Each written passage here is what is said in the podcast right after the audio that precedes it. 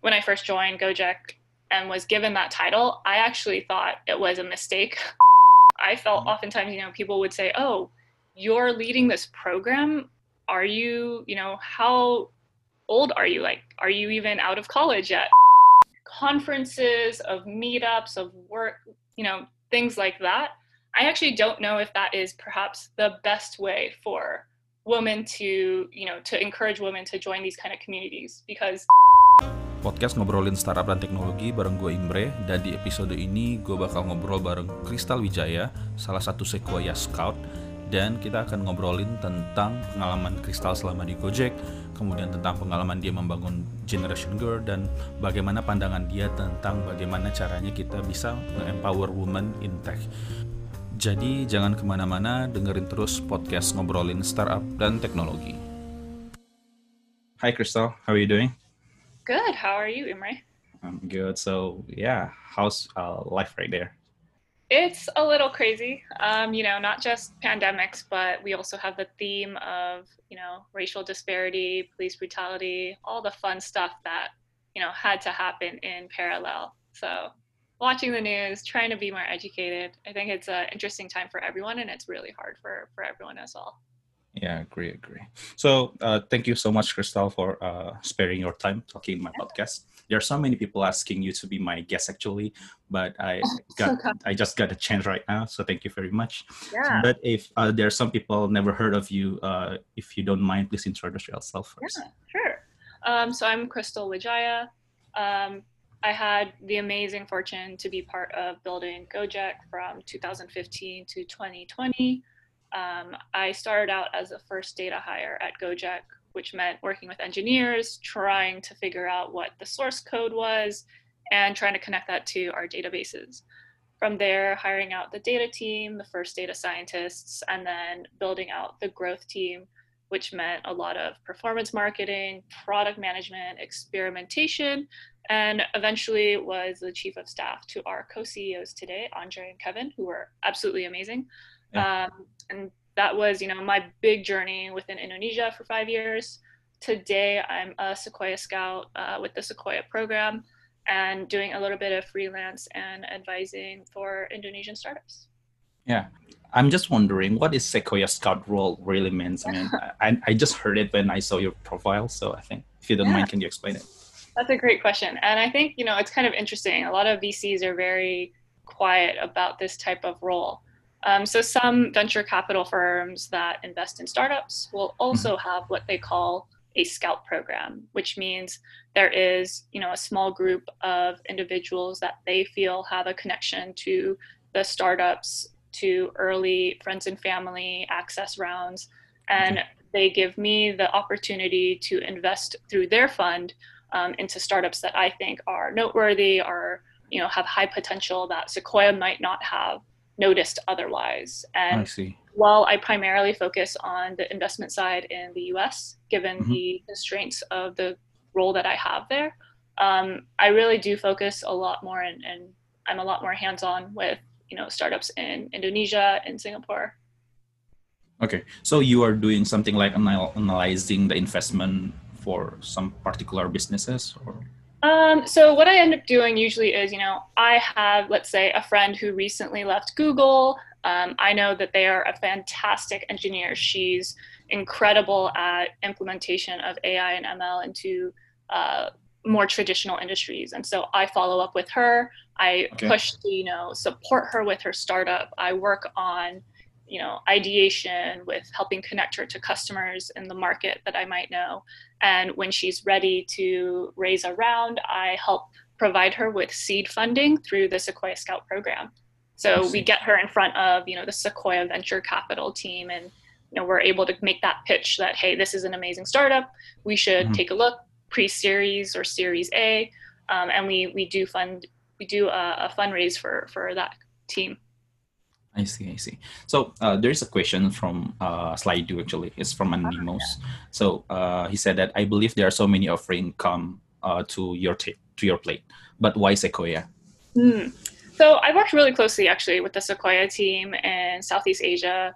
Yeah. Um, Shailendra was amazing. Um, Sequoia has actually been a huge supporter of of Generation Girl. They were one I of our supporters to really push the, um, you know, the focus of getting more women into tech, especially at an early age. And so I already knew that they were a team that I had aligned values with.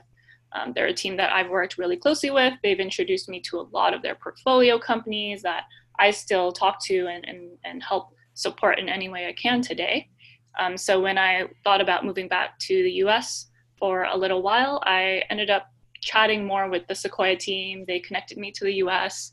And so, you know, it's really just a who you know and, and who you know and trust kind of experience. see. Okay. Cool cool. Really cool. So uh if i did my search correctly so you did a vp in bin fraud in gojek for two years and svp for bin growth for about two years to three years. Uh so Yeah. i'm just wondering what makes you able to achieve those level in such young age? I mean That's uh, there are so many women right? But they are not uh, maybe they haven't experienced at that kind of vp or svp level at a such young age That's a good question. I think, you know, more women should get those Yeah. roles, even at my age. I, I want to make that clear that I think the real issue with women in tech is not necessarily just getting women into tech, but getting them into senior roles. That's so right. I was really fortunate to work at a company that is actually one of the better ones in having women in powers in positions of power, um, especially in a, such a tech dominated world. Um, but for me, when I first joined Gojek and was given that title, I actually thought it was a mistake because I didn't necessarily have that confidence. I didn't have the experience. I think that's pretty pretty fair. But I was very determined to, given this opportunity, earn it and to deserve it. And so I worked really hard. I think the week before I joined Gojek, I probably consumed more books than I've ever read in my life. Um, and they weren't fun books. They were like the the the Postgres database manual. It was the MySQL developer guide. Um, you know, data science and you know data algorithms. It was a lot of wanting to feel like I deserved it and wanting to know that I could do the best job possible given that trust. And I even remember I was on the phone with Kevin, our CEO, who hired me. Um, the week before I joined, I said, Look, I don't know necessarily that I'm 100% the right person for this role. I'm going to try really hard, but you know, just know I'm not really sure yet. And he actually was the one to cut me off and say, Hey, look, you know, we've we've talked. We're all doing this for the first time. It's fine. And I think that was what really gave me the confidence to be or at least to grow into the role. I hadn't managed many people at that time, but I knew I wanted to be good at it. I really enjoyed helping others and helping give them career advice. I enjoyed being there and being empathetic to what people wanted to achieve and what their goals were. And so I think for me, it was a lot of listening. I had to ask for a lot of advice and a lot of help from many people who knew much more than me. And I hope that that listening helped me to earn that role. Okay. One question from my listener about who is your mentor, Krista? Yeah. There are lots of mentors. Um, Elad Gil is probably one mentor that um, I chat with who's based in the Valley. He is a startup advisor and the writer of High Growth Handbook. Mhm. But I've come to him with you know challenging questions about how to make you know Indonesian companies. You know how do we put them on the map in an international economy because the U.S. does not really appreciate the scale that we often work with. Um, and I've asked about you know management strategies. Um, I think Kevin and Andre at Gojek were also my mentors. I came to them when I had problems that I couldn't solve. I came to them with you know sticky situations where I needed not just their help but also their compassion. Um, Ika at Gojek was also one of my mentors, um, leading you know the, the culture team there. I think she was someone who would listen first and support thereafter, depending on you know whether or not you wanted that support. Yeah. Um, but I think in terms of mentorship, there's the world is kind of your oyster. I've I've been really lucky to just chat with people like you know Rachel, the the CEO of, of um, was it with of Love Bonito, who who's running you know a huge e-commerce company, and she's done it from such a young age. She was really inspiring as as someone who I could look to as as a leader in such a difficult industry. There's so many good people as your mentor, right? Absolutely. I'm really fortunate to know so many. I'm sure there's many that I don't know yet either. Yeah, yeah, yeah. I'm just wondering how many employees that Gojek had uh, at the time you joined Gojek. Oh, wow. So, funny story. I think so. When I first joined Gojek and I went to the office, they had just moved from what was, I believe, Nadiem's house Okay. um, to a building, an actual building. Um, and I remember being there, and the first floor was entirely a call center. I remember thinking, oh, my God, I've made a terrible decision. I moved all the way to Indonesia without even looking up what the company office environment was. It's super loud. There's only two bathrooms. There's actually at night, sometimes there were rats running around on the floor. Um, Was so- it Pasaraya? no, this is way before Pasaraya. This is our, Okay. our old office in Kemang. Okay. Uh, and it was it was kind of a mess. I had to help build my own desk. There was no sense of like where I was. Um, so I think there may be maybe 30 to 40 product and engineering people when I first joined. It was pretty small, um, but it was it was just chaos. I think that was a good sign for the fact that I was going to work really hard and and learn a lot. Yeah, I just knew that you you ever regret your decision to go back to Indonesia, even so. Yeah. Yeah, obviously that regret did not last long. I think it was Yeah, the most yeah, journey of my life. But yeah, definitely when I first walked in that door, I was like, oh my God, what is this? It was just an absolute nightmare. Okay. Okay. So, uh, one more questions about Gojek before we go to uh, Yeah. discuss about empowering women. So, what your uh, lesson learned that you learned hard way, the hard Oh. way during your time in Gojek? So many. I think, you know, there, there, The most memorable. there are lessons that I probably shouldn't share to be Yeah.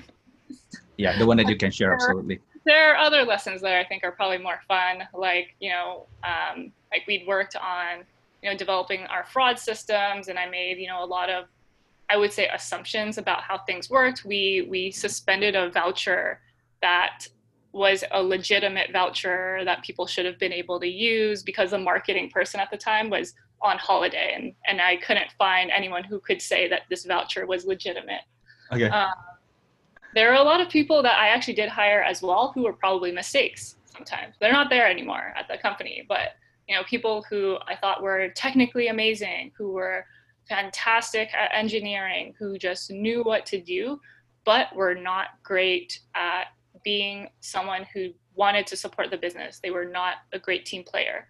And so I think that rule about, you know, no assholes, that no assholes rule, I think is really important okay. and I learned that the hard way, you know, with with a couple of hires when I was first starting out, um, Mhm. and was really concerned about whether or not we could build what I felt Gojek needed because we didn't have the technical um, leadership. And so I think, you know, at the end of the day, the people who I learned were, you know, the best people were the ones who were friends of friends, people who hired um, from the people that they had previously worked with, who knew the kind of work ethic and type of people who cared. I think that was a great learning experience uh, on how to hire. So, uh, yeah, as I uh, told you before, I would like to discuss more about the empowering women in, because you know my third episode in my podcast, uh, I had discussion with my friends, my uh, woman uh, colleague in my previous company. We discussed about how the insecurity of women being in tech, like uh, when they come to meet community meet up, and then uh, when they feel like in their office they're not feel really appreciated about Yeah. their work and that kind of stuff. So, Mhm. uh, and I know that you already created a generation girl, right? And Yes. I'm just wondering, uh, first, uh, why do you create this? I mean, is that your uh, coming from your feeling about what you feel in your office, or maybe in your college and that kind of thing? So I think, you know, Gojek's not a perfect place, and no company will ever be a perfect place, especially Mhm. when it gets to as big as Gojek is. Um, but I think that founding Generation Girl with Nadine and I, it came from a place where we knew that women were very underestimated in tech, even in a place where we were getting things done, where we were shipping product. We knew that women had a hard time feeling comfortable in tech and we knew that that experience of women not feeling comfortable in their careers in engineering or in technical roles that influences younger girls who are about to choose a career or about to choose a major that puts them on the path towards STEM uh, fields in science, tech, engineering, and math. Okay. And the problem that we see there, and that we, as we research further, that what we realize is that, you know, Carnegie did a study where women who were entering their computer science major, they would give them a prep class that would help them feel more prepared, that would help them get a stronger foundation and understanding of what the course materials would be for the next year. And they found that women who took that prep class actually ended up graduating at the same rate as their male counterparts because they were just as prepared. They felt just as confident as their male counterparts. And so this equalizing and um, you know giving women the same grounds to stand on as their male counterparts starts at an early age. It starts when the family buys a computer and they decide to put it in the son's room because he's a boy and you know he needs to play computer games. This is for men. It starts with giving these women the opportunity to experience tech for themselves and to confidently say yes or no about whether or not they like this. And so that's really why we started Generation Girl and why it focuses on girls from 12 to 16. We do have other programs like electives that allows, you know, more college um, aged women to participate in, you know, more foundational training. Um, but we are really corely focused on leveling the playing field and, and giving women the, the support and the access they deserve. Okay, so yeah, uh, last night actually I read a article about Generation Girl. It says that Generation Girl teaches coding to girls ages 12 to 16. So I, I just got the reasons why it makes sense right now for me. Yeah. Yeah. So uh, I also uh, see an article in Life at Gojek Medium. So uh, I will quote it. Uh, during my first computer science class in high school, my male classmates were already relatively experienced with programming and technology. So there was no, there was no way I would be able to catch up independently. I effectively dropped out of that class. But now I'm dedicated to giving young women a chance to be successful by facing their insecurities and challenging the status quo. Do you familiar with it? Yes. um, so I was in the AP computer science class in my high school junior year, I believe. Um, so it was like an accelerated placement class. I have no idea how I got into it. Um, but I had actually never really done computer science at that age. I, you know, fiddled around with Xanga and HTML and CSS, but yeah. I had like just learned how to copy paste probably at the age of like 10. Like I was not a computer whiz. I did not have access to that type of, you know, experience. And so when I got into that class, there were zero fundamentals. I think I was one of three girls in a 40 person class. Um, and immediately they gave us books and they said, here, build a chess program. Um, and so I just felt completely thrown off. Okay. It was so hard for me to ask for help because, you know, there were all these, you know, other people in the class who seemed to know everything and didn't shy away from showing off. And I just didn't have that level of confidence, you know, at that time. Um, I needed the okay. support system and I couldn't find that. Do you ever feel underestimated by others just because you're a woman? Yeah. I mean, even when we did fundraising for Gojek, if I would speak to investors that luckily we don't have today, uh, we never, you know, agreed to terms with, I felt mm-hmm. oftentimes, you know, people would say, "Oh, you're leading this program. Are you, you know, how old are you? Like, are you even out of college yet?" And so it's just all of the time where, you know, one, young people are often underestimated, and two, people feel like they have license to tell you that you don't deserve the role when clearly you are the one educating them about something that you've built and that you've worked on. So I've, I've definitely had those experiences. And I think one thing to that I kind of try to do is to make that hopefully a, a teaching moment for, for the person yeah. asking questions. And so I'd always say, you know, something like, uh-huh. oh, thank you. Like that's, that's really like such a great compliment. But, you know, I've been working on this for, you know, three years. Here's exactly how it works. Here's how I built it You know, it's something I'm very competent in. And I try okay. to encourage that sense of competence and to have myself kind of seem like someone who knows, you know, what they're talking about. Um, yeah. Because I do know what I'm talking about. You know, I built this system, and I think being confident enough to assert yourself is something I'm still not 100% comfortable comfortable with yet, um, and I don't I don't think everyone is, um, except maybe you know white men who sometimes are too confident yeah. in that. but yeah. you know, there's there's a whole like wealth of like history and bias to overcome, and I think we need to be compassionate to one another about about moving past that. Yeah. So instead of taking it personally, you try to explain it to them that you you are the best best person to do it, right? Exactly. Yeah. Yeah. So uh, actually, the next question that we are that I'm going to ask are coming from the Slido. So I'm gonna start one by one. So uh, from same woman in tech, any tips for women who are aiming to have stronger professional presence or tech evangelism work in interwebs? What do you think? Mm, yeah. So is this about you know gaining that branding online? Mm-hmm. I think that's what it was. Um, and so I think you know that's partly why I built my own website. Um, one, it was a fun project to try out a new um, Python framework, but in any case, I think when I was back in the States, I realized how few people knew about Gojek. And I felt that that didn't reflect well. I felt that didn't represent what I could do. It didn't represent, know, the skills that I had learned and, and all of the challenges I had faced. And so I wanted to be better at representing that. And so I actually, you know, worked with a couple of friends in the States. I, I asked for their opinion on how I should present my experience, you know, how does this sound? How does that sound? Does this sound like, you know, like, like what I have done and what I have achieved? And I think that's actually a great way to start out is to just start asking people outside your the circle of knowledge that knows you, but that trust you. So people you trust who may not have firsthand experience about um, the industries that you're working in or in the type of work you you do. So maybe not your engineering manager at work, but um, someone who's maybe in an adjacent industry and asking them, you know, does the way I represent my work and talk about my work, does it reflect the the work that you know I am capable of doing?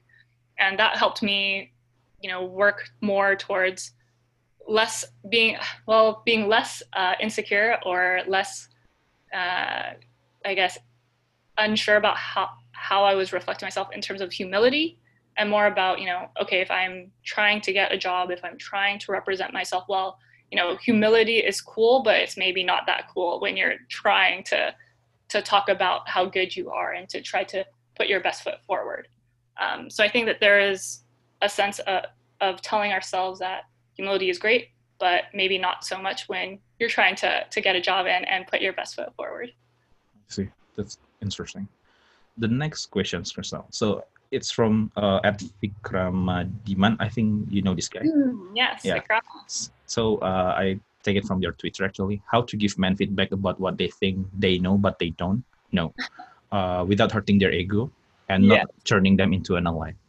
Yeah. So Vikrama is great, and honestly, Vikrama is such a great ally of women and people of color and people of you know diverse backgrounds. And so Vikrama yeah. doesn't necessarily need to be asking this question, but I love that he did.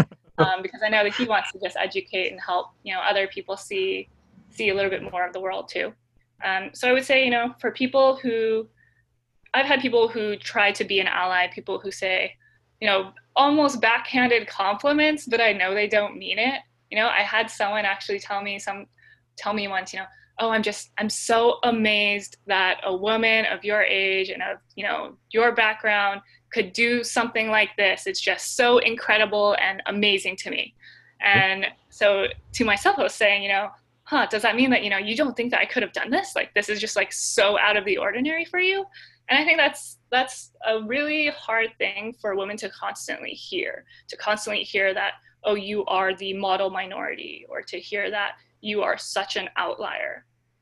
And we have to remind ourselves that we are outliers because this system is actually what prevents more women like me from mm. emerging in these senior roles or in these roles of power. And so I would say to that, you know, they're trying to be helpful, and so it's not it's not a situation where we should shame them. Mm-hmm. But I think telling them, you know, hey, I really appreciate that.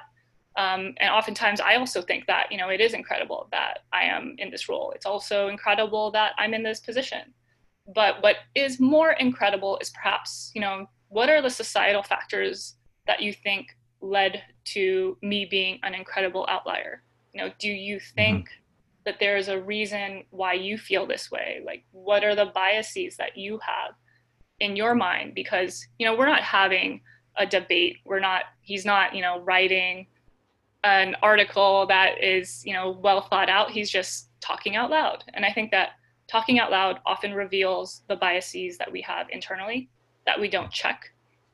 And so it comes down to asking for more of their insight about their own reflection into their own biases. Maybe they haven't had the opportunity to do that.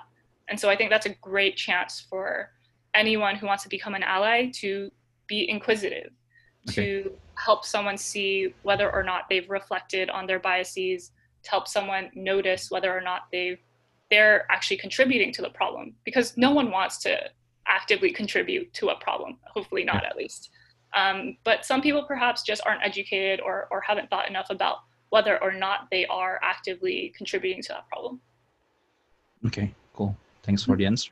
Yeah. So, uh, questions from Akmal. In your opinion, how we can encourage more women participation and leadership in tech? Also, uh, how do you think men should contribute to that effort?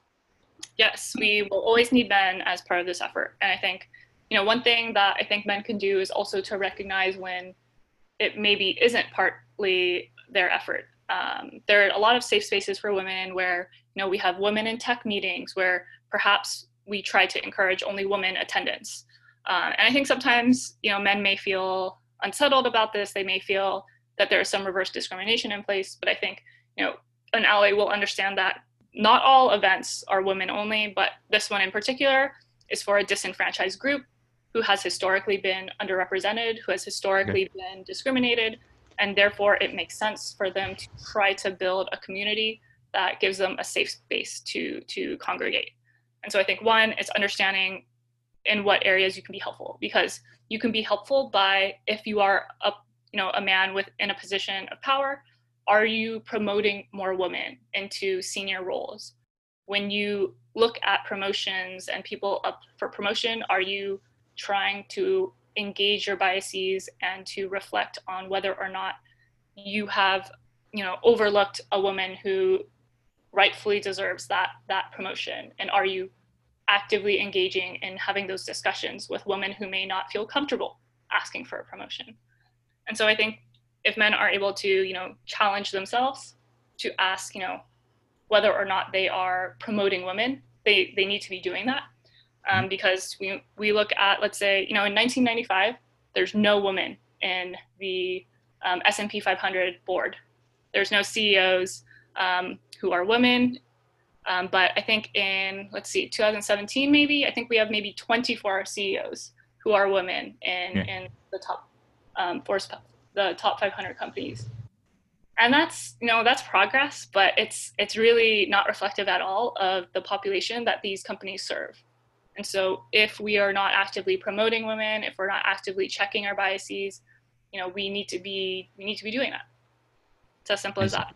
Yeah, I'm uh, I'm just wondering, Crystal. So uh, I know that you talked about uh, tech, uh, tech and data in so many conferences, uh, Google Cloud Next, and that kind of thing.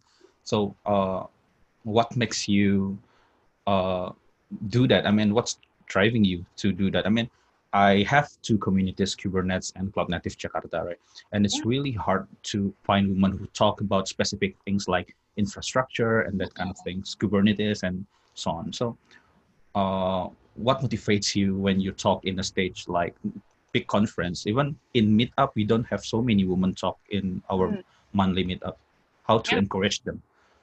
That's a good question, actually, and I think that that comes down to again that comfort and that community experience. So I actually didn't, I actually refused to do talks probably up till like maybe 2017 or 2016, I think.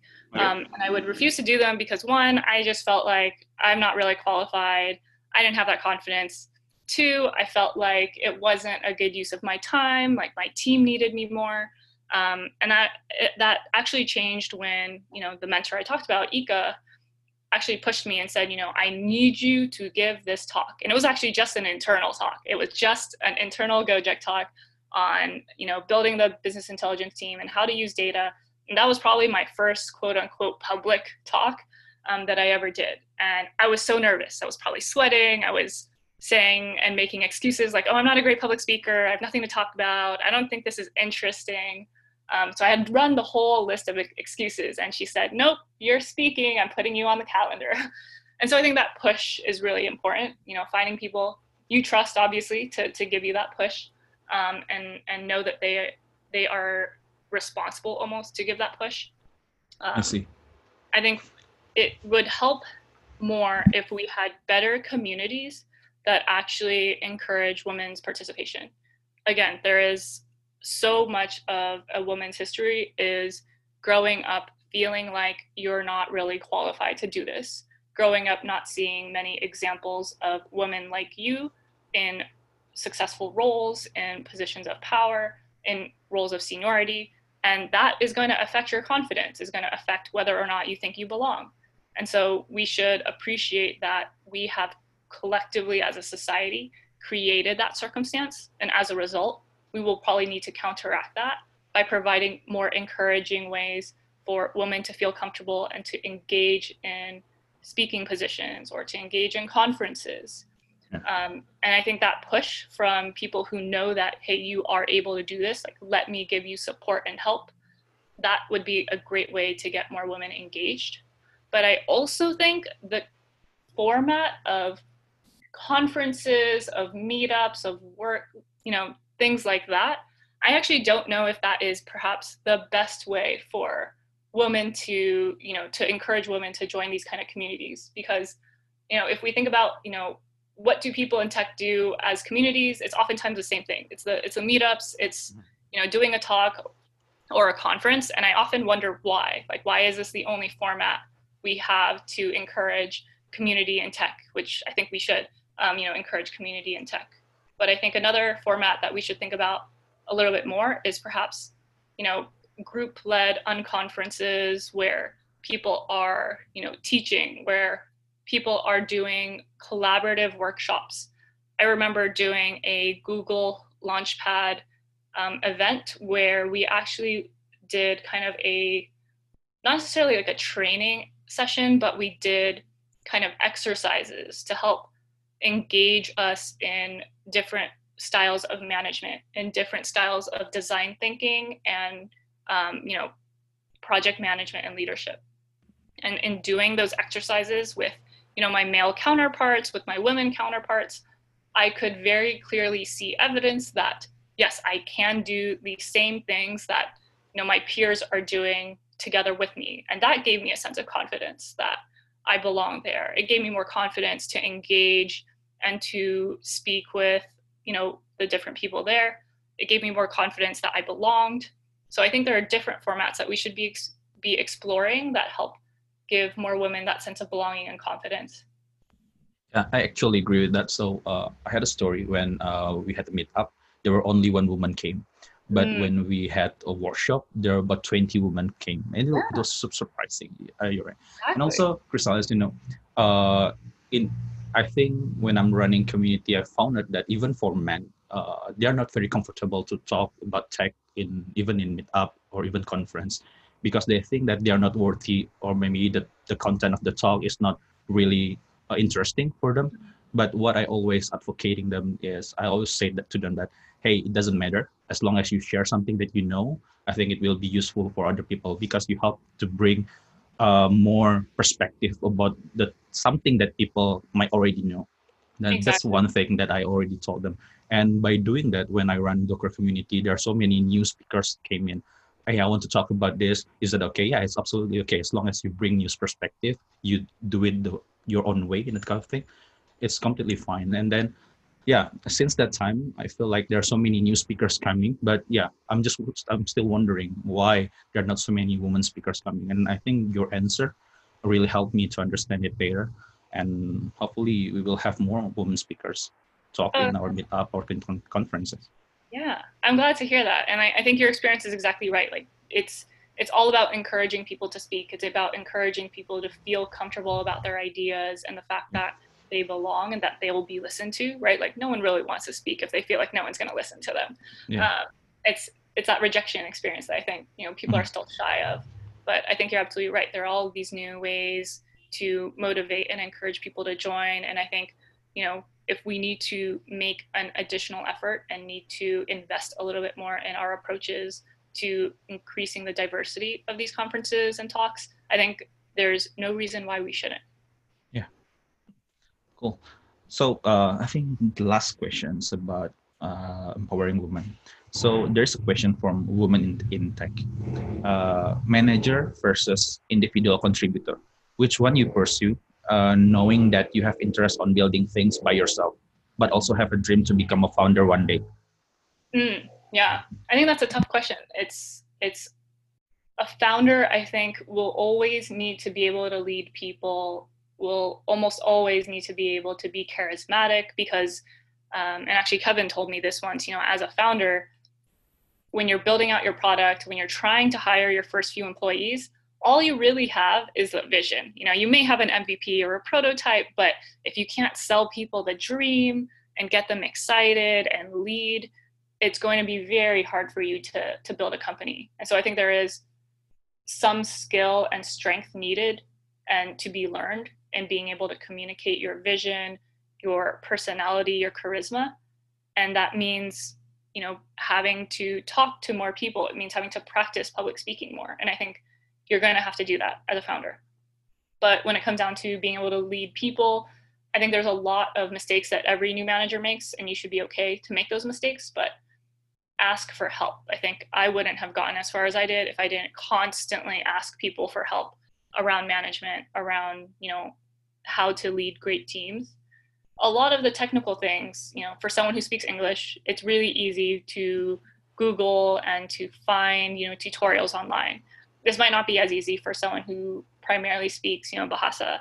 And I yeah. think that that's that's unfortunate. I think that's a real struggle in Indonesia that I think most people don't recognize that how hard it is to become a technical expert when your English language is limited. I think that's a real challenge that I really empathize with. I may not understand it completely, right? Because obviously I speak English, but I think that's that's something that I think we need to give people a break on. That it's going to be hard, um, but I would encourage people to do as much as they can around being a great speaker, around being a great leader, being able to convey vision if you want to be a founder. Cool, thanks. So uh, I think uh, we are approaching several last questions. So uh, there's a questions from Vina. So, any advice for Indonesian who wants to build a career in Silicon Valley? What do you think? That's an interesting question, and I would ask, you know, like what is the what is the dream to go to Silicon Valley? I think there's a lot of maybe hmm, what's the word?